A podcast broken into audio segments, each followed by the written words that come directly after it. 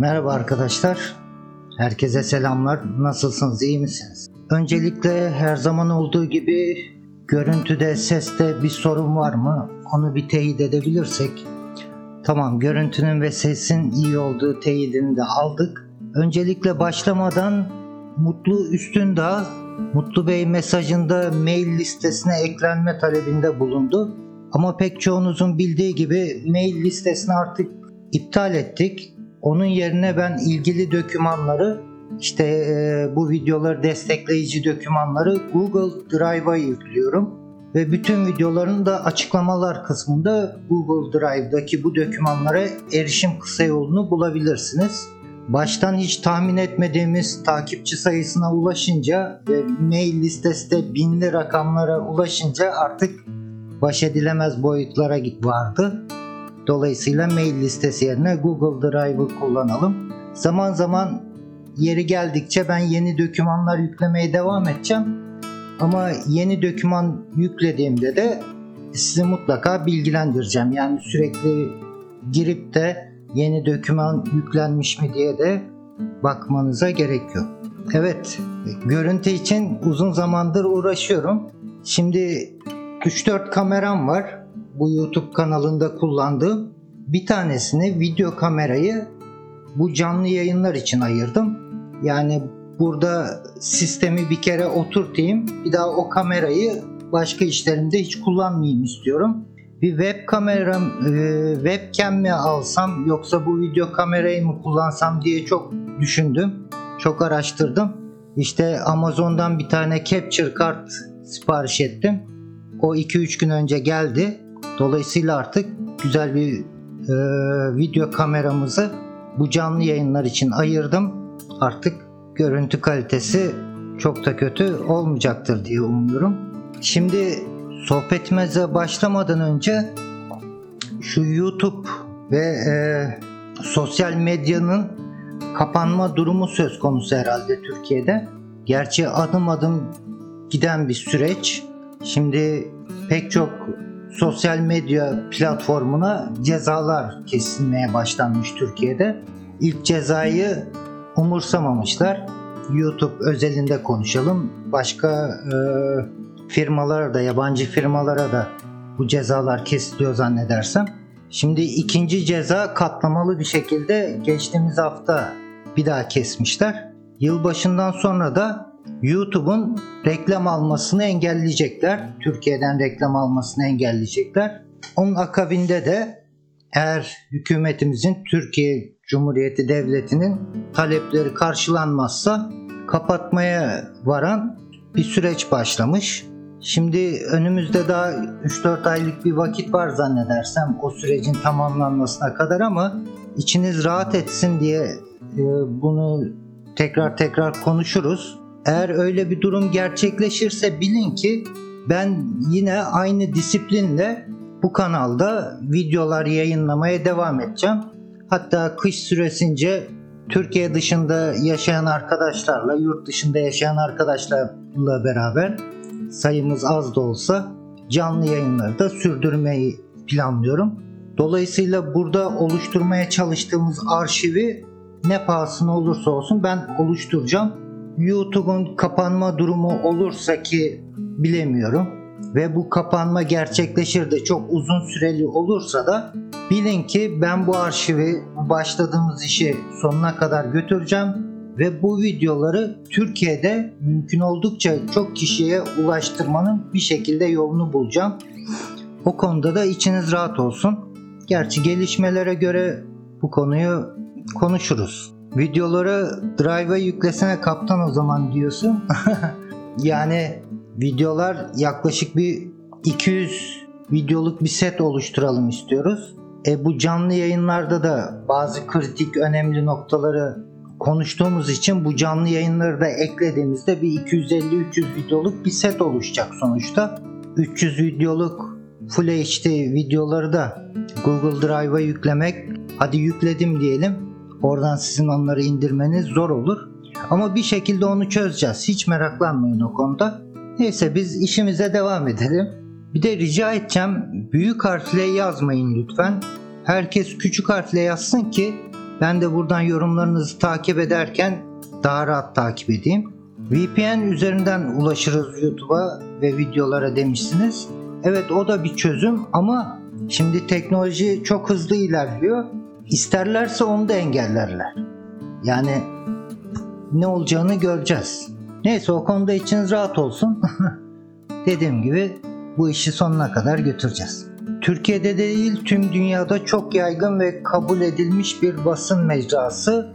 İnsanlar kabul etmez demişsiniz ama YouTube'da uğraşamam ben bu şeylerle bunca işle deyip Türkiye'den onlar çekilebilir belki de. Çünkü bildiğim kadarıyla Çin'den çekildi YouTube ve Google. Dolayısıyla ikisi aynı şirket zaten. Yani Çin gibi büyük bir pazarı terk ettiğine göre Türkiye gibi bir pazarda eğer çok sık boğaz edilirse de neyse bu konuyu çok uzatmaya gerek yok. Dediğim gibi bir şekilde ben bu videoları size ulaştırırım. Zaten bu konuda bir ön araştırma yaptım. Hatta ön araştırmanın da ilerisine gittim.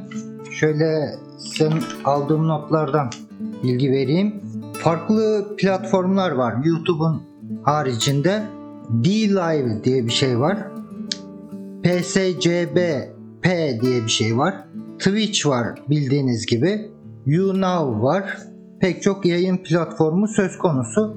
Ben bu yayın platformlarının hepsinden Yatmaster Murat diye veya Yatmaster diye hesaplar oluşturdum şimdiden. Belki de e, bu yayınların YouTube üzerinde yaptığım yayınların bir kopyasını başka bir mecrada da yayınlama imkanımız olur. Dediğim gibi onu çözeriz bir şekilde. Evet bugünkü konumuz hangisi güvenli bir seyir için olmazsa olmaz? İyi bir tekne mi, iyi bir kaptan mı? Gönül ister ki iyi kaptanla iyi tekneyi buluşturalım. en güvenli seyir o şekilde yapılır. Ama hayatın gerçekleri, gerçek dünyada bu çok da mümkün olamıyor. Bir seçim yapmak zorunda kalsak iyi kaptanın olduğu tekneyi mi seçersiniz? Yoksa nispeten vasatta olan kaptanın idamesindeki iyi bir tekneyi mi seçersiniz? Siz yorumlayın. Sizin yorumlarınız önemli benim için. Ben kendi yorumlarımı arada yaparım zaten. Evet Erkan Bey mutlaka bir yol bulunur. Yol yoksa da yeni yol açılır. Levent Şahin Bey çok güzel bir noktaya temas etmiş. Kaptan yeteneklerinin sınırını bilsin bana yeter demiş. Şimdi aslında bu cümleyi üzerine biraz konuşmamız lazım. Şimdi yeteneklerimizin sınırını bilmek veya bilgimizin nereye kadar olduğunu bilmek. Zannedersem yanlış hatırlamıyorsam Elon Musk'ın bir sözü bilmediklerimiz hakkında hiçbir fikrimiz yok.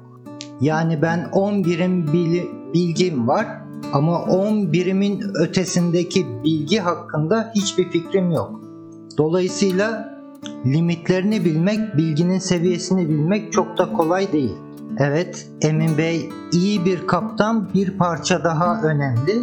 Bir parça daha önemli. Tabii teknede hurda değilse. Hadi hurda demeyelim de çok da güvensiz bir tekne ise diyelim. Yani o seyri yapamayacak durumda bir tekne ise diyelim. Burada tekneden kasıt. Şimdi kötü tekne kime göre kötü? Kimisine göre üzerindeki boyaları yıpranmış, hafif eskili belli olan bir tekne kötü tekne. Kimisi sürekli pasta cilayla pırıl pırıl teknesini tutmak ister. O o şekilde gördüğünde o tekneyi iyi bir teknedir. Arkadaşlar bence teknenin iyi bir tekne mi kötü bir tekne mi? Daha doğru tanımlamayla yapılacak seyre uygun olup olmadığının kararını verecek olan kaptandır. Dolayısıyla burada iyi kaptanın rolü çok önemli. Yani dışarıdan çok güzel, mükemmel elektronikleri full olan bir tekne size bana göre iyi bir teknedir. Ama kaptan o tekne üzerindeki detaylı incelemeleriyle, kontrolleriyle ve ön hazırlığıyla o teknenin o seyre uygun olup olmama kararını verecek. Zaten uygun değilse iyi bir kaptan uygun olmayan bir tekneyle o seyri yapamayacağını düşündüğü bir tekneyle zaten o seyre çıkmaz. Evet Fahrettin Pekşen iyi bir kaptan zaten güvenli olmayan bir tekneyle yolculuk yapmaz kesinlikle. Şimdi sadece denizcilik özelinde bu konuyu değil de biraz genelden bizim konumuza gelelim. Farklı örneklemeler yapalım. Mesela hobisi olan arkadaşlar var. Kimisi bisiklet hobisi var. Kimisinin fotoğraf çekme hobisi var. Kimisi işte bir müzik aletiyle haşır neşir olmak istiyor. Ondan keyif alıyor. Ama bu tür herhangi bir ilgi alanınız oluştuğunda ilk başlarda bu meraklı olduğunuz incelemekten, araştırmaktan ve bu faaliyetin içinde bulunmaktan keyif aldığınız konuda bilgi edinmeye çalışırsınız. Elinizdeki tüm kaynaklardan bilgi toplamaya çalışırsınız. Mesela bir fotoğrafçılık örneğinden gidelim. Fotoğrafa merak sardın, saldınız. İyi kötü e, eşin dostun tavsiyesiyle bir tane fotoğraf makinesi satın aldınız ve işte günümüz teknolojisiyle internete girdiniz. Forumlardan olsun, edinebildiğiniz kitaplardan olsun, işte YouTube benzeri kaynaklardan izlediğiniz videolardan olsun bilgi seviyenizi arttırmaya çalıştınız. Bilgi seviyeniz bir miktar artmaya başladığında onun çok daha önünde özgüveniniz artmaya başlar. Çok kısa sürede özgüveniniz tavan yapar. Ben artık bu işin temellerini öğrendim demeye başlarsınız.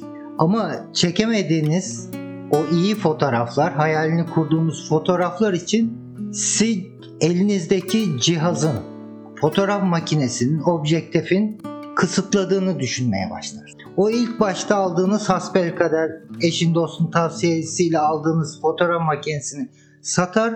Son model bir fotoğraf makinesi, en yüksek megapiksel çözünürlüğü olan, işte en iyi lensi takılı olan bir fotoğraf makinesi edinmeye çalışırsınız. O fotoğraf makinesini edindiğinizde, o seti oluşturduğunuzda zannedersiniz ki en iyi fotoğrafı ben çekeceğim. E, özgüveniniz de tavan yapmış durumda zaten. Ama o fotoğraf makinesini aldığınızda hala bir şeyler eksik kalır. Hala iyi fotoğraf çekemiyorsun. Çünkü asıl odaklanmanız gereken noktadan uzaklaşıp kullandığınız araca odaklanıyorsunuz. Bu yanlışı pek çok konuda pek çok arkadaş bu yanlışa düşüyor. Maalesef bunu e, denizciliğe, yelkenciliğe, amatör yelkenciliğe taşıdığımızda da işte önce bir özgüven patlaması edindiği bilginin çok ötesinde özgüven tavan yapıyor. Artık tamam ben her şeyi biliyorum. Her şeyin ustası oldum. Her türlü seyri yaparım. Ama beni kısıtlayan tekne. Daha büyük, daha iyi, daha dolu bir tekneye sahip olursam çok daha güzel seyirler gerçekleştirebilirim durum. Evet Armağan Bey iyi bir kaptan yolcuların ve teknesinin kendisinden önce düşünen ve kendi sınırlarını iyi bilen insandır. İşte bu sınırlarını bilmek güzel bir şey de çok da kolay bir şey değil. Az önce de dediğim gibi. Çünkü bilmediklerimiz hakkında hiçbir fikrimiz yok. Şimdi ben pek çok örneği yaşıyorum. Mesela birisi teknesini transfer ettirmek istiyor. Uzun bir yolculuk. Bir standardı var fiyatlandırmanın. O fiyatı söylediğimizde ya işte onu o transferi ben de yaparım diyor veya işte benim bir arkadaşım çok daha ucuza onu yapar diyor. E onlara yaptı. Çünkü aradaki farkı bilmiyor. İyi bir kaptanla kötü bir kaptan arasındaki farkı bilmiyor veya bilgisinin sınırlarını bilmiyor. Uğur Bağcı yüzen her tekne iyi teknedir. Yani önemli olan bu tekneyi kullanacak kaptanın iyi olmasıdır. Tekne bizi her yere götürür ama kaptan bu tekneyi her yere götürebilir mi? Evet tabii ki şimdi bu konuştuklarımdan bu akşam daha da konuşacaklarımızdan şey yanlış anlaşılmasın. Ben demiyorum ki B kategori, C kategori yani daha çok iç denizler için dizayn edilmiş, hazırlanmış bir tekneyle Ege'nin ortasında sert havaya girin, zorlu seyirlere kalkışın demiyorum. Teknenin sınırlarını çok iyi bilmeniz lazım. E bunu da bilecek olan o teknenin sahibi ve veya kaptanıdır. Dolayısıyla teknemizin yapacağımız seyre uygun bir tekne olması lazım. Minimumlarını belirlenmesi lazım. iyi bir kaptan tarafından ve ondan sonra gerisi kaptanın öngörü ve ön hazırlığına. Seren Koçak demiş ki pek çok deniz kenarında yaşayan ve denizde içli dışlı olanlar var. Sizin bize öğrettiklerinizin çoğunu bilmiyor ama denizi tanıyor, tekneyi tanıyor. Bu kaptana güvenebilir miyiz? Evet güzel bir noktaya geldik. Şimdi tecrübe konusu. Bilgi mi, tecrübe mi? Kesinlikle %100 söyleyebilirim ki tecrübe çok önemlidir. Her işte olduğu gibi denizcilikte de çok önemlidir. Ama tecrübenin bir bina olduğunu düşünün. Güzel bir binanın aynı zamanda sağlam olabilmesi için temeli olacak kısım bilgidir.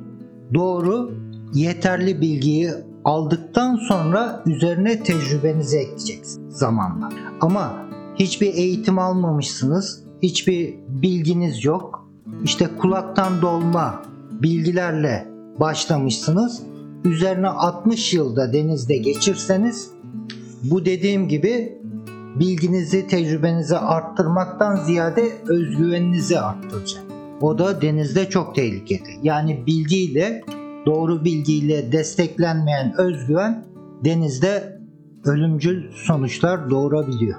Dolayısıyla az önceki mesajdaki deniz kıyısındaki tecrübeli denizde içli dışlı olan kaptanların güvenebilir miyiz sorusunun cevabı belki lokal olarak o bölge için güvenebilirsiniz. Çünkü o adamın artık vura kıra veya şansı yaver gitmiştir, büyük bir kazayı atlatmamıştır.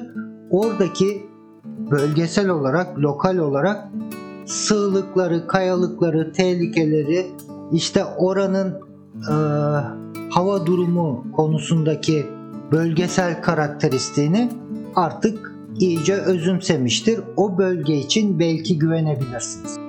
Ama İngiltere'de mesela hani daha önce de konuşmuştuk ya belli seviyede lisanslandırmalar var, eğitim seviyeleri var, müfredatlar var. İşte Day Skipper'ın üzerinde de Coastal Skipper var. Onun üzerinde artık Yacht Master seviyeleri başlıyor. Yacht Master Coastal, Yacht Master Offshore, Yacht Master Ocean diye gidiyor. Mesela o Coastal Skipper'dan yani kıyı kaptanından usta denizciye geçiş aşamasında şey isterler. Özellikle temel olarak istedikleri bilgi seviyesi daha önce seyir yapmadığı bölgelerde. Doğru haritayla, hatasız bir haritayla, seyir haritasıyla seyir planlayabiliyor mu, seyir yapabiliyor? Yani şimdiye kadar hiç gitmediğiniz bir yere güvenli seyir yapabilecek misiniz? O önemli. Yoksa adam balıkçıdır. Çocukluğundan beri babasıyla sandalla balık tutmaya gidiyordur yandaki koya. Deniz kıyısında yaşıyorlardır. O adam büyüyüp de 60 yıl o bölgede balık avladığında tabii ki o bölgeyi bilecektir. Ama o bölgenin dışına çıktığında büyük risk taşıyacaktır. Gökhan Bey işte 4-5 marka saymış. Camiada en iyi markalar olarak bilinen markaları saymış. Bu markaların en yakın e, rakiplerine 2-3 kat fiyat farkı olması sadece lüks olması mı demiş.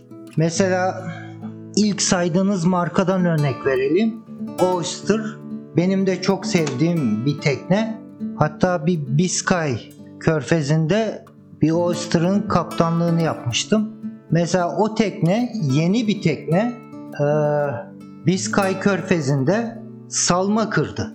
Ve o olaydan sonra o olayın da raporunu e, kaptan raporunu da bilirkişi raporunu da detaylı okuma fırsatım olmuştu. inceleme fırsatım olmuştu. O olaydan sonra da zaten firma el değiştirdi, satıldı. Yeni Zelandalılar aldı zannedersen. Yani fiyatının yüksek olması tekneyi güvenli kılmaz. Acemi bir kaptana önce eski bir şey al tecrübelen deniyor. Doğru bir mantık mıdır? Ya şimdi tabii ki eski bir teknede tecrübe kazanmak Ama doğru bilgiyle az önce de bahsettiğim gibi bir altyapı oluşturularak bir müfredata tabi olarak müfredat dememin sürekli nedeni bu. Bilmediklerimiz hakkında hiçbir fikrimiz olmadığı için müfredatlar var. O müfredatlara tabi oluyoruz. Temel bilgimizi sağlam bir şekilde oluşturuyoruz. Onun üzerine tamam nispeten kötü bir teknede tecrübe kazanmak pek çok şeyi hızlı öğrenmenizi sağlayacaktır. Mesela muhtemelen ilk hafta içinde motor arızalarından pek çoğunu test etme, öğrenme, kendinizi geliştirme fırsatı bulacaksınız. Ama biraz da Türkiye şartlarını da düşünelim. Şu an yaşadığımız dünyada pek çok yurt dışı ülkesinde yaşayan bizler de aynı durumdayız. Çoğumuzun tek atımlık mermisi var. Yani bir tekne alayım. O tekneyi 3 yıl tecrübemi arttırayım. 3 yıl sonra büyüteyim. Onunla işte şu seyirler yapayım. 5 yıl sonra onu satayım. Başka şöyle iyi bir tekneye geçerim gibi imkanlar çoğumuz için geçerli değil. Dolayısıyla bence ilk seferde doğru size ihtiyacınızı karşılayacak tekneyi bir seferde almakta fayda var. Çünkü illaki başınıza kötü şeyler gelerek arızalar işte e, ufak tefek kazalar gelerek bir şey öğrenmek zorunda değiliz. Zaten sürekli müfredat müfredat dememin nedeni o. Yani bir sobaya elimizi değdirdiğimizde elimizin yanacağını öğrenmek için illa hepimizin gidip o sobaya elimizi değdirmemize gerek yok. Birimiz gitti oraya elini değdirdi sıcak sobaya.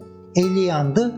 Döndü diğerlerine dedi ki arkadaşlar bakın benim elim yandı. Siz bunu yapmayın. E diğerleri de akıllıysa bu bilgiyi alıp kullanacaklar. Gidip de aa gerçekten yanıyor mu diye ellerini değdirmeyecekler. Ferya Akbaş demiş ki öz olarak teori pratik ayrılmaz birbirini tamamlar ikisi de olmalı.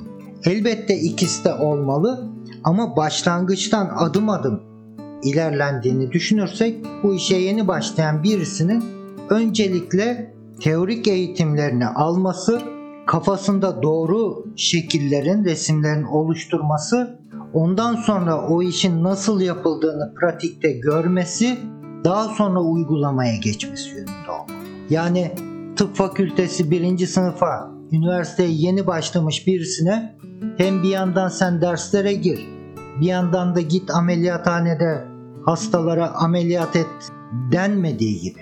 Önce işin teorini, temel bilgileri mutlaka oturtulması gerekiyor. Aksi takdirde sıklıkla gördüğümüz gibi cebindeki telefona Navionics yükleyen herkes kendini kaptan zannetmeye başlıyor. Mustafa Mutlunur demiş ki motor yatlarla ilgili hiç yorum yapmıyorsun. Gördüğüm kadarıyla yelkenciler motor yatçıları pek denizci olarak düşünmüyor. Bu konuda ne düşünürsün abi? Sevgiler selamlar. Yok benim öyle bir sınıflandırmam yok. Benim için denizci vardır. Yani daha önce de konuştuğumuz gibi deniz insanı olan denizciler vardır. Veya denizi hobi olarak gören kara insanları vardır. Ben sınıflandırmamı o şekilde yapıyorum. Denizi hobi olarak gördüğünüz takdirde ve bunu bir teknenin sorumluluğunu alacak kaptanlık düzeyine taşıdığınızda sıkıntı orada başlıyor. Yani kaptan olacaksanız mesela daha önce de bundan bahsettim. Çatışmayı denizde çatışmayı önleme tüzüğünü yemiş yutmuş olmanız gerekiyor. O çatışmayı önleme tüzüğünde yazan kurallar, kaidelerle ilgili kafanızda en ufak bir tereddütün olmaması gerekiyor. Ama mesela sosyal medyada birisi bir resim paylaşıyor. İşte hangi tekne hangi tekneye yol vermesi lazım. Çok temel bir prensip. Konuşunca mangalda su e, kül bırakmayan büyük kaptanlar 30 kişi 30 farklı yorumda bulunuyor. Hangisinin önceliği var? Demek ki bir şeyler eksik. Mehmet Erdal Balaban, kaptan yardımcısının vasıfları ne olmalıdır? Denizcilik okullarından olması gerekir mi? Şimdi amatör denizcilik bazında düşünürsek ki onu konuşuyoruz. Profesyonel ekibi olan tekneleri e, konumuzun dışında bırakalım. Çünkü oraya girersek orası ayrı bir dünya. Ama yardımcı kaptanın önemi çok büyük. Şimdi örnek verelim. Ben benim kaptanlığımda bir seyre çıkacağız. 5-6 kişiyiz. Mutlaka benim ikinci kaptanı mate diyorlar yardımcıyı belirlemem ve onun bazı kritik noktalarda bazı kritik konuları iyi bildiğine emin olmam gerek. O seyre çıkmadan önce. Muhtemelen uzun seyirler yani kısa günübirlik seyirlerden bahsetmiyorum. 10 günlük 20 günlük bir seyahate çıkacağız. Öyle durumlardan. Gerçi ilerleyen videolarda briefing konusuna detaylı değineceğiz. Henüz o konuda herhangi bir e, video hazırlamadım. Ama o briefing konusunda bunları biraz daha detaylı konuşma fırsatımız olacak. Mesela briefingde denize birisi düşerse ne yapılacağı detaylı konuşulacak. Denize ekipten birisi düşerse ne yapılacağı konuşulacak. Kaptan denize düşerse ekibin ne yapacağı konuşulacak. Mutlaka kaptan haricinde teknedeki bir veya iki kişinin motoru nasıl çalıştıracağını bilmesi gerekiyor. İşte tekneyi nasıl durduracağını bilmesi gerekiyor. Yelkenle ve motorla.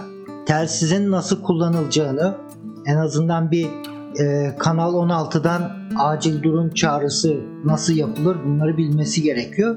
Bunlar seyir öncesi briefingde kaptanın netleştireceği, netleştirmesi gereken konular. Dolayısıyla ikinci kaptan amatör denizcilikte de oldukça önemli özellikle uzun seyirler için. Serkan Kol demiş ki küçükle başla tecrübe ettikçe büyütürsün diyorlar. Bu konu hakkında ne düşünüyorsunuz? Ben şimdi geniş bir aile olarak 42 istiyorum ama 35-37'den başla diyorlar. Yani 37 bir fit bir tekniği kullanmakla 46 bir fit bir yelkenli tekniği kullanmak arasında hiçbir fark yok. Olsa bile yani küçük nüanslar şeklinde. Tam tersi şimdi başlangıçta büyük tekneler gözünüzü korkutuyor. Ya bu koca tekneyi ben nasıl kontrol edeceğim falan. O tedirginliği yaşamanız normal. Başlangıçta hepimiz o tedirginliği yaşadık, yaşıyoruz. Ondan sonra küçük tekneyle başladık. Daha büyütme yönüne gidiyoruz. Tecrübemiz arttıkça, bilgimiz, becerimiz arttıkça ama işin sonunda ise her işte olduğu gibi sadece yelkencilikte değil, yelken konusunda değil, minimale tekrar küçülmeye dönüyoruz. Mesela fotoğrafçılıktan örnek verdim ya. İlk başta küçük kamerayla başlıyoruz. Bir tane e, uyduruk bir lens takılı bir kamerayla başlıyoruz. Ondan sonra bizi kısıtlayan şeyin kamera olduğunu düşündüğümüz, ekipman olduğunu düşündüğümüz için en pahalı, en büyük, en devasa ekipmanlara yöneliyor. Ama işin sonunda anlıyoruz ki Ara Güler'in o güzel fotoğrafları kamera çekmedi. Ara Güler çekti. Ve tekrar küçülmeye gidiyoruz. Daha basit bir kamera ama doğru seçtiğimiz bütün ihtiyaçlarımızı karşılayacak ve ona uygun tek bir lens bütün işimizi fazlasıyla görebiliyor. Aynı şey denizcilik için de geçerli.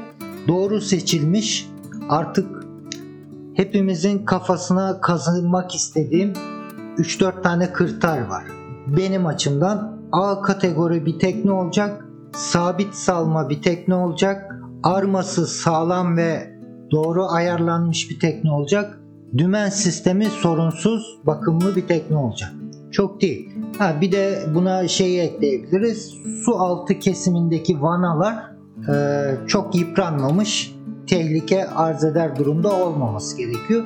Bu 4-5 kriteri karşılayan minimum ölçülerde bir tekne beni dünyanın her yerine götürür. Çok ekstrem kutuplar hariç tabii. Ahmet Sarısakal demiş ki konfor oranı, yelken alanı, deplasman, balast, deplasman, deplasman uzunluk. İşte bunlara bir iki tane ben ekleyeyim.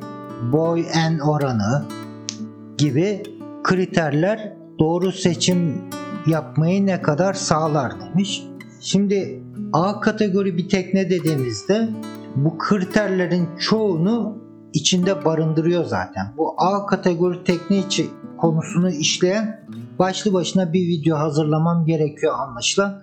Çünkü nasıl diyeyim biz tekneye çok fazla odaklanıyoruz. İşte salması şu modelmiş, bu modelmiş, yok şu çeşitmiş, uzunmuş, yassıymış, ağırmış, hafifmiş. Bunlara çok takılıp kalıyoruz. Ya bunlara takılmayın. Her dizaynın, her üretim tekniğinin kendi içinde artısı da vardır, eks, eksisi de vardır. Zaten mükemmel bir dizayn bulunsaydı şimdiye kadar her ihtiyacı karşılayacak sadece o üretilirdi. Diğer tüm tekneler yok olurdu. Bu kadar çeşit dizaynın olmasının nedeni her zevke, her bütçeye ve her ihtiyaca cevap veren farklı dizaynların olması, farklı üretim tekniklerinin, şekillerinin olması. Ona çok fazla takılmayın. A kategori bir tekne demek 4 metreden büyük dalgalara dayanabilecek özelliklerde, güçte ve dizayn kriterlerinde üretilmiş bir tekne demek. O kategorizasyonu yapan kurumlar ve üretici firmalara bu noktada güveniyoruz. Furling ile Lazy Lazy Jack, Lazy Back farkı nedir? Hangisini ne zaman tercih etmeliyiz demiş Sami Yaşaroğlu. Furling sistemler kullanım kolaylığı getirir. Klasik ana yelkenler ise performans getirir. Ama bu böyle çok uç noktalarda değildir. Klasik ana yelkenin full balenli bir ana yelkenin performansı biraz daha iyidir. Yani aynı teknede sarma ana yelken varsa diyelim ki o anki şartlarda hava durumunda ve izlediğiniz rotada 6 knot sürat yapıyorsanız full balenli aynı şartlarda o teknenin gideceği sürat 6 knot değil de 7 knot olacak. Öyle biri 3 knotla gider, biri 13 knotla gider gibi bir şey yok. Ha, kullanım kolaylığında da öyle. Kimisi ana yelkenin e, furling olmasının kullanım kolaylığı açısından biraz daha iyi olduğunu düşünür. Kimisi de yok der o kadar ben performansa daha önem veriyorum. Bence e, full balenli bir klasik ana yelkende kullanım kolaylığı açısından büyük sıkıntı yaratmıyor da diyebilir. Ama ben daha önce de bahsettiğim gibi benim tercihim Furling sarma ana yelken ve Furling Genova'dan yana. 30 fitlik tekneler ile 40 fit kullanım farkı ayrıca tek kişilik seyirlerde denize düşme ve benzeri alınabilecek önlemler demiş Münir Atar. Ya bu konular böyle birer cümleyle geçiştiremeyeceğimiz konular ama şş, e, tek kişinin seyir yaptığı durumlarda ne tür güvenlik önlemleri alınmalı o konulara sırası gelecek. O konuları çok detaylı konuşacağız. İşte tecrübeli bir ekibe kaptanlık yapmak, tecrübesiz bir ekibe kaptanlık yapmak, tek başına seyir yapmak ve bunları gece seyri, gündüz seyri, uzun seyir, günübirlik seyir diye de kategorilere ayırarak detaylı konuşacağız. Ama 31 tekne 31 fit bir tekne ile 40 fit bir tekne arasında biri 10 metre, biri 13 metre. yani öyle çok aman aman bir fark da yok. Ha, kullanım alanı açısından teknenin boyunun 1 metre bile büyümesi bayağı fark eder. Ama işte yaşam alanının genişlemesi açısından fark eder. Yoksa tekneyi abrayabilmek, yani kontrol edebilmek, kullanabilmek, sürebilmek açısından çok da büyük bir fark oluşturmayacaktır. Necati Uğur demiş, performans konforu ne şekilde etkiler? Şimdi yelkenli tekneler üzerinde konuştuğumuz için performans demek o anki şartlardaki rüzgarı yelkenlerinizin en performanslı şekilde güce dönüştürdüğü tekneler olarak düşünelim performanslı tekneleri. E bu istenen bir şey. Yani ben 6 knot sürat yapabilecekken o anki şartlarda niçin 3 knotla 4 knotla yalpalaya yalpalaya yelkenlerin pırpırlaya pırpırlaya e, seyahat edeyim ki tabi bu bir miktar her zaman değil ama performanslı tekneler performansı düşük teknelere göre nispeten daha konforsuz seyirler geçirmenize neden olur. Ama yarış teknelerinden bahsetmiyorum. Yarış teknelerini kastetmiyorum. Yani doğru dizayn edilmiş, arması doğru düzgün ayarlanmış, dizayn edilmiş iyi bir cruiser teknesi. Tabii ki arması doğru dizayn edilmemiş. Dolayısıyla da performansı düşük bir tekneye göre daha konforsuz olacaktır. Hikmet Gök demiş ki tekne boyu seçilirken yoğun olarak kullanacağımız yerdeki iki dalga arası mesafeye dikkat etmek gerekir mi? Ya eğer çok lokal bir yerde kullanıyorsanız belki ama hiç kimse de mesela alıp da teknesini İstanbul'da Büyükçekmece koyundan dışarı çıkmayacağım. Burada da dalga boyu, dalga yüksekliği şu kadardır diyeceğini de zannetmiyorum. Ama şunu söyleyebilirim. 36 fitle 46 fit arası tekneler her türlü koşulda hava ve deniz dalga durumunda çok daha stabildir. İşte 36 fitin biraz altına düştükçe, altına indikçe veya 46 fitin üzerine çıkmaya başladıkça bu e, nasıl diyeyim aralıktaki konfor işte dalgalarla denizle uyumu ve güvenliği azalmaya başlar tekneler. Tekne boyu çok büyüdüğünde veya çok küçüldüğünde. En ideal aralık bir yelkenli tekne için 36 fit ile 46 fit arası. Mesela en zorlu denizler nereler? Güney Amerika'nın güney ucu. Hornburnu. Döneceksiniz diyelim ki o şekilde bir seyahat planlıyorsunuz. Çok zorlu bir deniz. Hava şartlarının çok kötü olduğu bir durum. Orada öyle bir seyir yapacaksan bana 3 seçenek sunduğunuzu farz edelim. 32 fit bir tekne var. 44 fit bir tekne var. Bir de 52 fit bir tekne var. Ben 44 fit tekneyi daha güvenli bulurum o seyri yapmak için. Hakan Ertunç demiş ki iyi kaptan ne seviyede ilk yardım ve sağlık bilgisine sahip olmak, müdahale yetkisi ne seviyede bu konuda ayrı bir sertifikasyona ihtiyaç var mı? Şimdi amatör kaptanları, amatör denizcileri zorunlu kılan herhangi bir kural yok. Yani şu kursu alacaksın, ilk yardım konusunda şu şu şu bilgilere sahip olacaksın ve bunu ispatlayacak şu sertifikayı almak zorundasın diye bir kural çoğu ülkede de yok, Türkiye'de de yok. Ama bu tamamen bir kaptan olarak sizin sorumluluk ne kadar sorumluluk alma içgüdünüzün olduğuyla alakalı. Kimisi de hiç umursamıyor bunu. Yani sonuçta kaza oldu, öldü, kaldı diyor. Ama bence zaten ilk yardım konusunda da bir video çekmiştim. Herhangi bir öğretici bilgi içermemesine rağmen, detaylı bilgi vermememe rağmen pek çok doktordan teşekkür mesajı aldım. Yani sadece ilk yardım konusunda değil, bir kaptanın yani öyle çok kolay bir şey değil zannedilen gibi kaptan olmak. Bir kaptanın yeri geldiğinde o teknenin doktoru olması gerek. Yeri geldiğinde meteoroloji mühendisi olmanız gerek. Yeri geldiğinde makine mühendisi olmanız gerekiyor. Yeri geldiğinde harita mühendisi olmanız gerekiyor. Yani yeri geliyor bir psikolog gibi davranmanız gerekiyor. Yani pek çok alanda kendi başına profesyonellik gerektiren mesleklerin bir bütünleşmiş hali olarak kaptanlığı değerlendiriyor. Az önce de dediğim gibi cep telefonundan Avionics'i yükleyen herkes kaptanım diye ortaya çıkması tabii içinde büyük riskler barındırıyor. Şimdi bu furling ana yelkenle ilgili camadan konusunda bir mesaj var.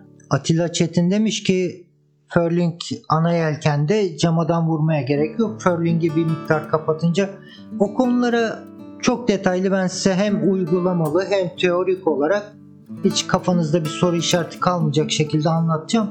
Ee, şimdi sarma ana yelkenler konusunda da çoğunuzun kafasında bazı çekinceler olduğunu biliyorum. İşte sıkıştığında, sıkışma ihtimali olduğunda e, nasıl bunu gidereceğiz veya bunun sıkışmaması için furling sarma ana yelkenlerini ne yapmamız lazım falan. Bu konuları çok detaylı konuşacağız. O kadar da e, furling ana yelkenlere uzak durmamızı gerektirecek bir durum söz konusu değil.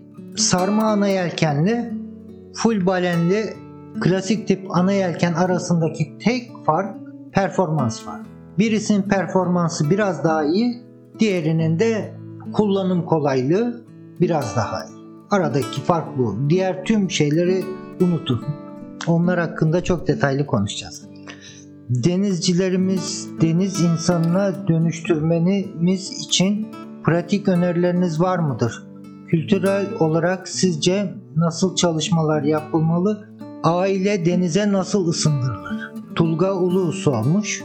Şimdi ailenizi denize ısındırmanızın bazı taktikleri var. Mutlaka onları işin içine dahil etmeniz lazım. Yani siz teknenin dümenine geçip onlar sanki bir yolcu gibi olmasın. Onları mutlaka işin içine dahil. Mesela çocuklara deyin ki bakın işte harita açın. Biz şuradayız, şuraya gideceğiz. O harita üzerinde çocuklar bir kafalarında yapacağınız seyri şekillendirsinler. Hatta onların ilgisini çekecek. İşte bak şurada kayalıklar var, şurada sığlıklar var. Onlardan sakınmamız lazım. Sen benim yardımcım ol. İşte oradaki kayalığı şu küçük adaya fazla yaklaşmayalım diye sürekli gözet. Fazla yaklaşırsak da beni uyar gibi çocuklara küçük sorumluluklar biraz böyle oyun bazlı onların ilgisini çekebilecek sorumluluklar verin. Onları işin içine dahil ettiğinizde mutlaka seveceklerdir. Eşiniz için de mesela bayanlar genelde Türkiye'de biraz daha işte kocalarının peşine takılıp da onları kırmamak adına seyirlere katılıyorlar. Ama eşlerinize de e, mesela teknenin iç dizaynı ile ilgili işte mutfakla ilgili ufak sorumluluklar verin. Onun bazı şeyleri dizayn etmesine, düzenlemesine olanak sağlayın. Bu sayede de kendileriyle tekneyi e, bir bağ kuracaklardır. Bu bağda mutlu mesut bir aile hayatınız için gereklidir. Ümit Yıldırım demiş katlanır pervanesi olan yelkenle seyrederken ve motoru kapalı teknenin tornistanda tutulması konusundaki görüşlerinizi alabilir miyim? Katlanır pervaneniz varsa e, tornistan almanıza zaten gerek yok. Boşta olması gerekiyor. İşte büyük markaların tavsiyesi geneldeki tavsiyesi az önce konuştuğumuz boydaki tekneler bazında düşünelim. Yani 30 fitle 50 fit arasındaki teknelerde tekne surati 5-6 knot'ın üzerine çıktığında yani 7 knot 8 knot süratle yelken seyri yapıyorsanız mutlaka gaz kolunuz boşta olmalı. 5-6 knot'ın altındaki süratlerde orada e, şanzımanda oluşacak boştayken ki tıkırtı rahatsız edebilir, olmasın diyebilirsiniz. O durumlarda tornistanı alabilirsiniz. Bir sakıncası yok. Ama mutlaka 5-6 knot'un üzerinde yelken süratiniz varsa mutlaka gaz kolu boş konumda olması gerek. Katlanır bir pervanede zaten öyle bir sıkıntı yok. O da mutlaka boş konumda olması gerek. Yani boş konumda tutabilirsiniz. Ama bu katlanır pervane konusunu da biraz detaylı konuşuruz. O konuda benim büyük çekincelerim var. Kendi teknemde asla katlanır bir pervane olmasını istemem. Kaan Avcı teşekkür ederim. Erdin Bey benden de çay eline selamlar. Devrim Sirmen Bey demiş. Pahalılar ama in boom yani bombanın içine sarılan furling sistemler hakkında ne düşünüyorsunuz? Yani bence o kadar para vermeye gerek yok. İlla yelkenlerim hem furling olsun hem de balenli olsun diyorsanız dikine balenli direğin içine sarma ana yelkenler de mevcut. Ama dediğim gibi 6 knot sürat yerine 6.5 knot yaparsınız. 7 knot yaparsınız. Yani eğer yarışmıyorsanız o kadar da önemli bir fark oluşturmayacaktır. Bu ana yelkenler konusunu detaylı işleyeceğiz. Hiç merak etmeyin. Evet Semih Saydut Bey amatör denizciliğin artması için yüksek fiyatlı marinalar yerine uygun fiyatlı barınaklar yapılmalıdır. Marina fiyatları aşırı yüksek. Ya geçen de konuştuk. Zannedersem bunu sık sık konuşmaya devam edeceğiz. Türkiye'deki amatör denizciliğin gelişmemesinin ana kaynağı bunu geliştirmek için bir niyet yok. Bir istek yok otorite tarafından. Otoriteden kastım sadece devleti, hükümeti, işte bakanlığı falan kastediyorum diye düşünmeyin. Bu işle ilgilenen kurum, kuruluşlar, kişiler hiçbirinde böyle bir istek yok.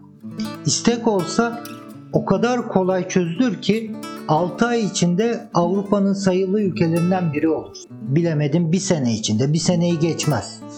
He, mesela marinalar konusunda ne yapılabilir? En büyük sıkıntılarımızdan biri amatör denizciler olarak. Belediyeler kanununa bir tane madde koyacaksınız. iki cümle. Her kıyıya deniz kıyısı, denize kıyı, kıyı şeridi olan belediye nüfusuna orantılı olarak işte diyeceksiniz ki 20 bin kişiden daha büyük nüfusu olan işte 100 bine kadar olan belediyeler kıyı şeridi olan denize kıyı şeridi olan belediyeler işte 30 teknelik 40 teknelik küçük marinalar yapacak. İşte büyükşehir belediyeleri iki tane marina yapacak diyecek. Ve bunu merkezi hükümetin desteğiyle işte bu yıllık e, bütçeden bir miktarı karşılanacak, bir miktarını belediye karşılayacak, ortaklaşa marinalar yapılacak tüm kıyı şeridimize. Karadeniz'e, Marmara'ya, Ege'ye, Akdeniz'e, tüm kıyı şeridimize küçük küçük marinalar yapılacak ve o marinaya sadece o belediye marinasına sadece o belediye sınırları içinde ikamet eden kişiler teknelerini bağlayabilecekler ve bunda da küçük tekneleri özendireceğiz. Geçen videoda da konuştuk. Hepimizin hedefi 50 fit tekne alayım, 60 fit tekne alayım. Yani bu işin sonu yok. Hep büyüğünü alayım değil. Eğer bu işi tabana yaymak ve gerçekten bilinçli bir kitle oluşturmak istiyorsak küçük tekneleri özendirmemiz lazım. İşte bu kurulacak belediye marinaları diyecek ki arkadaş 8 metrenin altındaki teknelere yıllık 100 lira 100 TL marina bağlama ücreti alacağım. Onun üzerindekilere tamam makul bir seviyede ama TL olarak yıllık bağlama ücretleri al. İnsanları küçük teknelere yönlendirmek lazım. İşte bu belediyelerin marina kurması örneği gibi 3-5 adımda çok rahat Türk amatör denizciliğinin, yelkenciliğinin önü açılabilir. Ama dediğim gibi istek yok. Evet Atilla Eken de aynı kanıda. Evet denize kıyısı olan belediyenin bütçesinde marina. Otoriteye yakın olan takipçiniz umarım vardır. Ya şimdi bunun için nasıl diyeyim böyle gidip Mars'a uzay aracı göndermemize gerek yok. Yani böyle yeni keşifler yapmamıza gerek yok. Aklın yolu birdir. Geçen hafta da konuştuğumuz gibi. Aklı başında bu işi bilen 3-4 kişi oturacak. Bir saat içinde şunları şunları şunları yaparsak bu iş düzelir diyecek. Uygulamayı geçilecek bir sene sonra Avrupa'nın ilk üçe gireriz. Amatör denizcilik konusunda. Amatör tekne sahibi olan kişilerin sayısı konusunda. Çünkü çok büyük bir heves var, çok büyük bir ilgi var ama işte her adımda insanlar bu işe girdiğine, gireceğine pişman edilir. Bir kere kesinlikle Türkiye'de euro ile bir şey alınıp satılması benim bildiğim kadarıyla yasak. Türk parasını koruma kanunu gibi bir kanun var bildiğim kadarıyla. E marinaya gidiyorsun işte bilmem kaç euro diyor. Elektrik aldın diyor. Elektriğe bilmem kaç euro ödeyeceksin. E su aldın. Su zannedersin ki Almanya'dan geliyor. E, suyu euro ile satıyor sana. E usta çağırıyorsun. Usta Esenyurt'tan geliyor. Euro istiyor senden. Hadi Almanya'dan usta çağırırsın. Euro ister. Onu anlarım da Esenyurt'tan gelen usta niye? İşçilik olarak euro istiyor. Hadi parçaya da bir şekilde anlarım. Çünkü döviz kurları sürekli değişiyor. Adam sana bir tane motor parçası getirmiştir. Yurt dışından geliyor. Türkiye'de üretilmediği için. Hadi onu euro bazında konuşulmasını anlarım. Ama hiçbir hizmetin euro bazında konuşulmasını anlamıyorum. ve kabul etmiyorum. E sizin de kabul etmemeniz, anlamamanız gerekiyor. Ayva Selçuk Bey demiş ki Ayvalık Belediyesi de marina yapma konusunda ancak kaç senede biter bilemiyoruz demiş. Şimdi belediyenin başına sadece belediyenin sorumluluğunu atmayacaksın. Dediğim gibi büyük kısmını merkezi hükümet, merkezi bütçeden karşılayacak. Belediye de bir miktarını kendi gelirlerinden karşılayacak. Gerekiyorsa işte marinanın, belediye marinasının 3-5 yıllık az da olsa bir e, gelirini hesaplayarak da ufak tefek krediler gerekiyorsa da krediler kullanılacak. O marinalar çok hızlı bir şekilde bu şekilde bitirilecek. Yoksa bir belediye başkanının, bir belediye meclisteki grubun e, uğraşmasıyla yani marinaları yapmak öyle çok kolay işler değil. Özellikle o mendirekleri, dalga kranları yapmak oldukça maliyetli işler. Tamam 3 tane yüzer ponton koyarsın, elektriği suyu çekersin o kadar basit değil konu. Dolayısıyla merkezi hükümetin bu işe mutlaka bir şekilde dahil olması gerekiyor. Bugünkü konumuzdan çok da uzaklaşmayalım. Tamam hadi marinalar bedava. Size bu akşamlık marinaların hepsi bedava. Tekne fiyatlarını da sizin için yarıya indirdim bu akşam. E sonra denizdeki trafik kurallarını bilmeyen insanların, hiçbir eğitim almamış insanların, hiçbir acil durum hakkında fikri olmayan insanların ceplerine yükledikleri navionicslerle denize açıldığını düşün.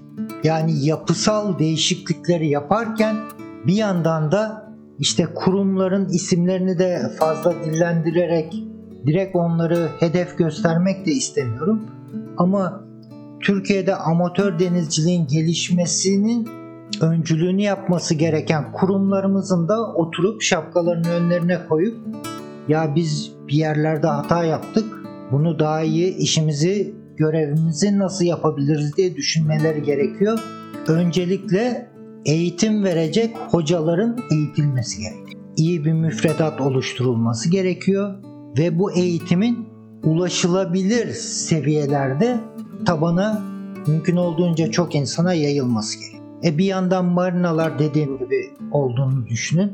Bir yandan doğru müfredatla, doğru sertifikasyon programlarıyla, bilgili eğitmenlerle bilginin tabana yayıldığını düşünün. Bu şekilde pek çok farklı koldan Türk denizciliğini yükseltebiliriz ancak. Çok konuştum kahvem soğudu. Mesela hadi bir tavsiyem daha. Bunları yeri geldikçe konuşalım.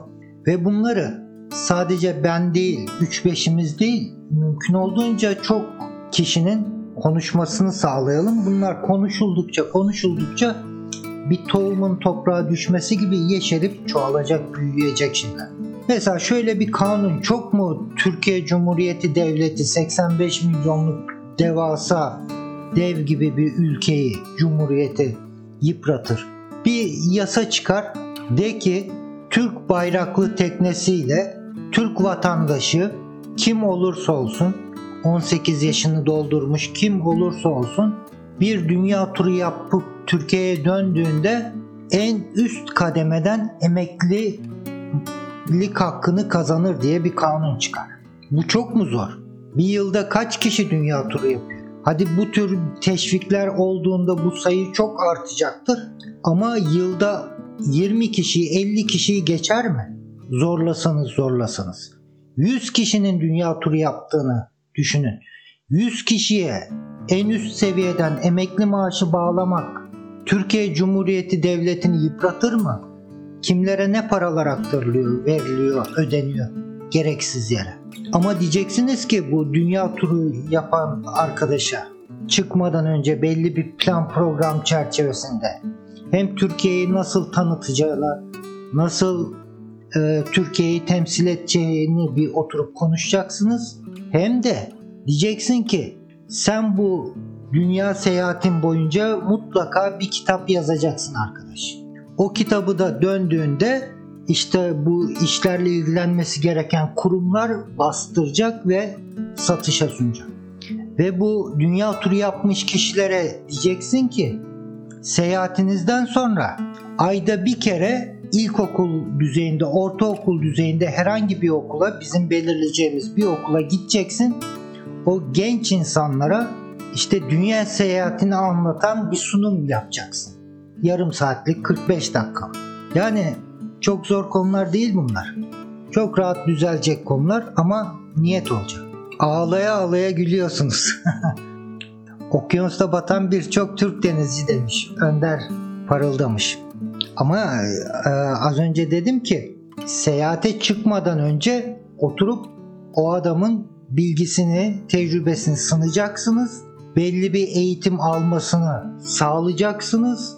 Yoksa her önüne gelen ben bu emekli maaşını kapayım genç yaşta veya çocuğum alsın diye gözünü karartıp cahil cesaretiyle de bu işlere kalkıştırmayacaksınız. Ben izin vermiyorum demeyi bileceksiniz bazılarına. İşte 3 ayda otur dersine çalış, tecrübeni bilgini geliştir, gel şu sınavı geç ondan sonra bu işe kalkış diyeceksiniz. Şimdi çok mu farklı? Dünya seyahatine çıkan okyanuslara açılan Türk denizcilerinin, amatör denizcilerin bilgisini kim sorguluyor? Hepsi ellerinde cep telefonu Navionics bakına bakına gidiyorlar. Ama nereye gidiyorlar? Ne yapıyorlar? Kendileri de farkında değil. İşte asıl şu an bilen bilmeyen herkes bu işlere kalkışıyor. Öbür türlü bir düzen, bir çerçevesini oluşturursun, bir düzenini oluşturursun, eğitimlerini de ona göre verirsin, bir düzen çerçevesinde bu işler yapılır. Doğru şekilde yapılır.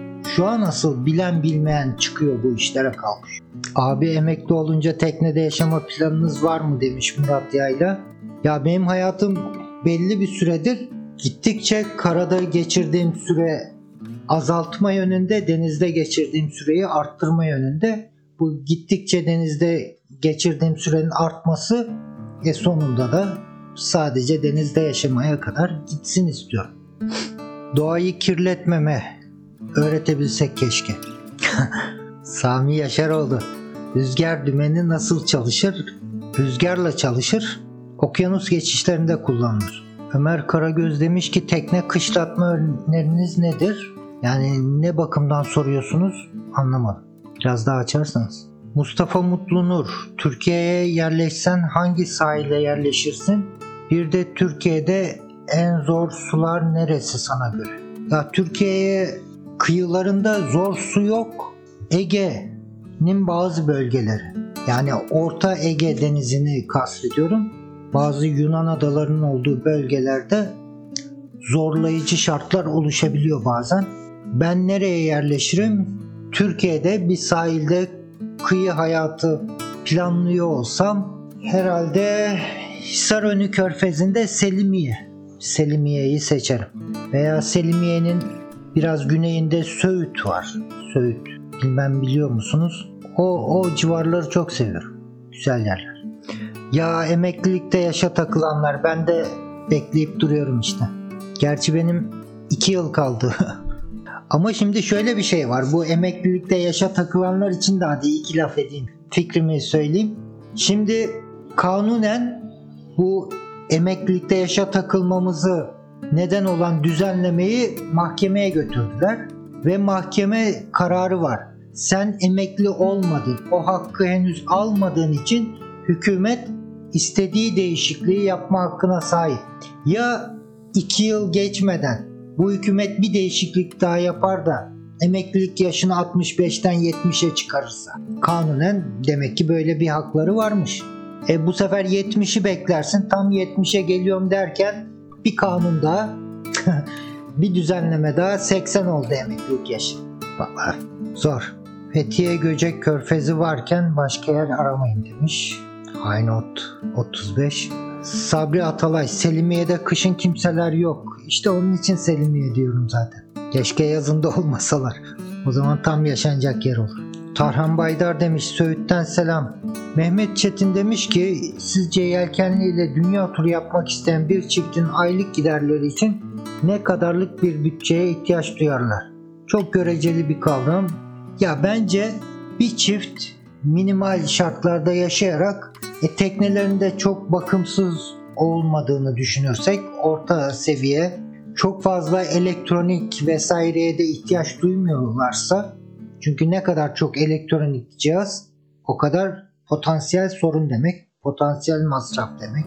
Herhalde minimum bir 500 dolar minimum bilemedin 600 dolar aylıkla rahat rahat bir dünya turu yapılır. 500 doların da altına düştüğünde artık oldukça sıkıntı başlar.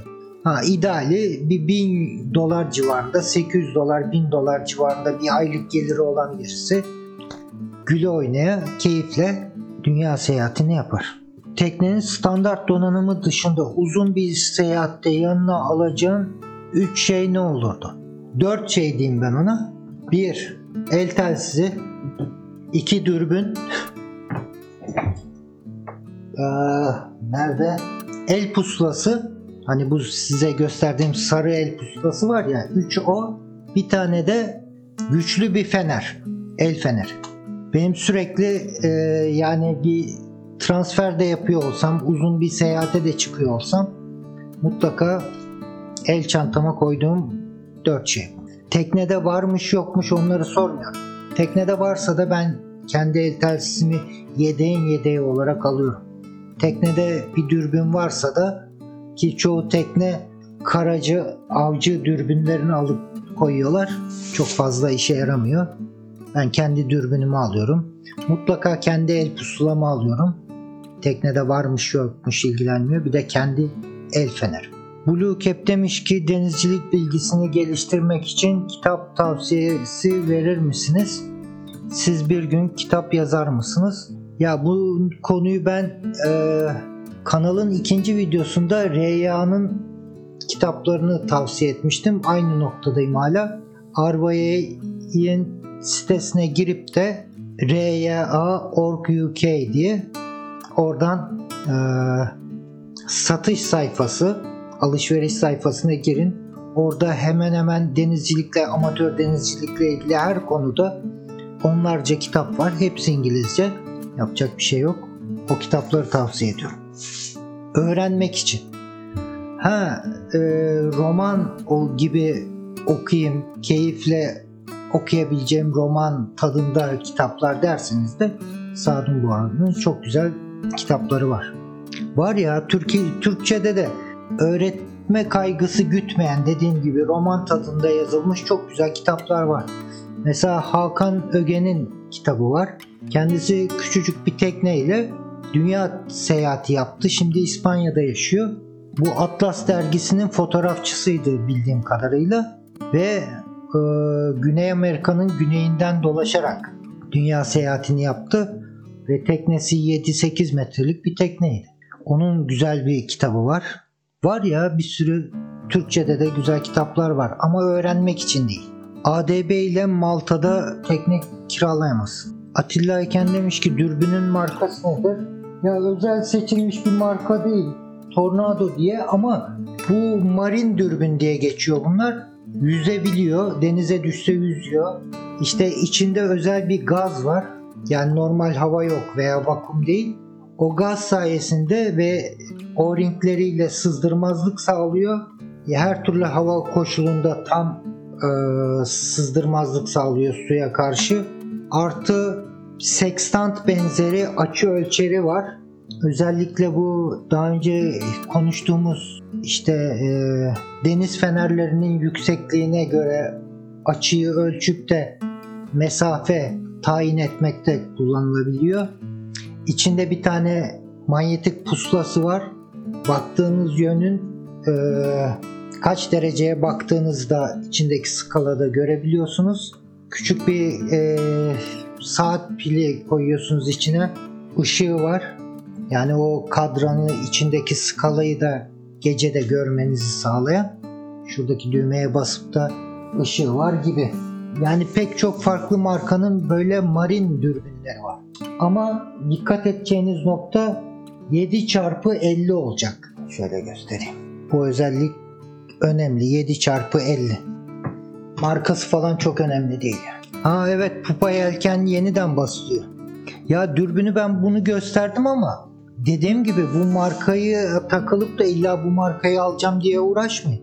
Yani marin tip dediğim gibi içinde pusulası olan e, su sızdırmazlı olan yüzme kabiliyeti olan denize düştüğünde batmayan herhangi bir markayı gönül rahatlığıyla alabilirsiniz. Yani illa bir markaya takılıp kalmayın.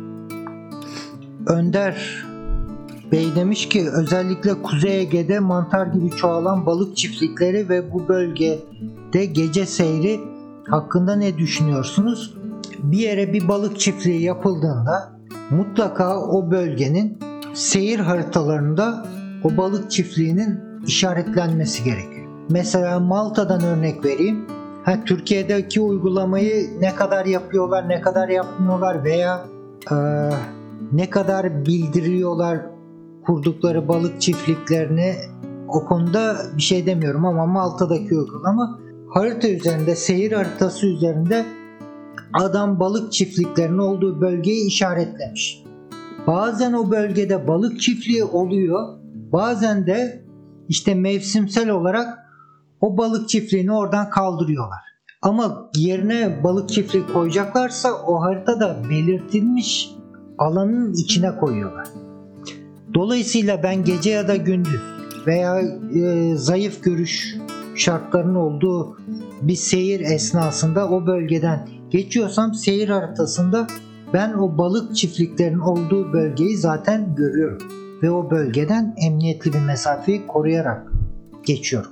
Burada temel nokta benim hep üzerine basa basa daha önce de defalarca geçmiş videolarda anlattığım gibi her ne kadar elektronik haritalar hayatımızı çok kolaylaştırsa da artık 2020 senesinde yatsınamayacak, vazgeçilemeyecek araçları olsa da bu teknolojik cihazlar hala denizcilikte temel olan, asıl olan ana seyir planınızı seyir bölgenizin ana haritası üzerinde, kağıt harita üzerinde yapmakta. Ona yardımcı olarak elektronik haritaları Size Navionics'in sitesinden de açtım, okudum. Navionics diyor ki benim cihazım, benim hazırladığım program, haritalar sizin ana e, seyir unsurlarınız, araçlarınız değildir. Bunlar sizin seyrinize yardımcı unsurlardır. Ve bunun kaptanın sorumluluğunda olduğunu da altına basa basa büyük harflerle belirtiyorlar. Mutlaka kağıt harita kullanımını önemsemek lazım. Yine 1 saat 40 dakika olmuş ya valla. Hadi bu akşamlık bu kadar diyelim. Evet Konus marka da var. 1500 lira demişsiniz. Tornado 1310 lira. Yani 3 aşağı 5 yukarı hepsi bu markaların kaliteleri birbirinin ayarında yani. Herhangi birini seçebilirsiniz. Hadi bu akşamlık bu kadar yeter diyelim.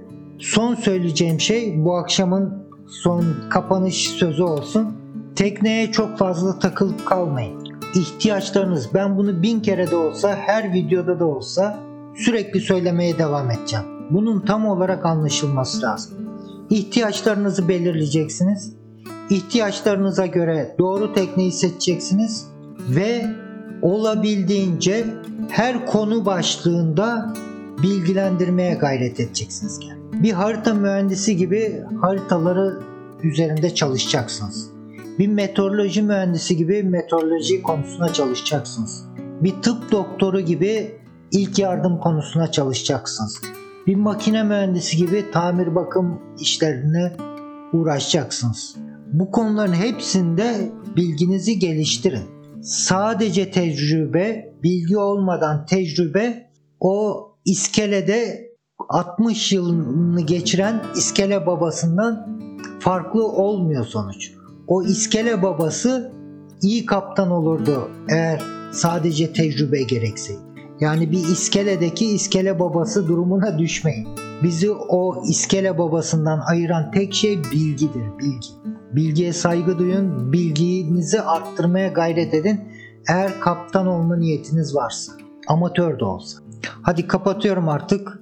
1 saat 45 dakika oldu. Bu gidişte sabaha kadar oturacağız, konuşacağız. Hepinize katıldığınız için teşekkür ediyorum. Her şey gönlünüzce olsun. İyi akşamlar.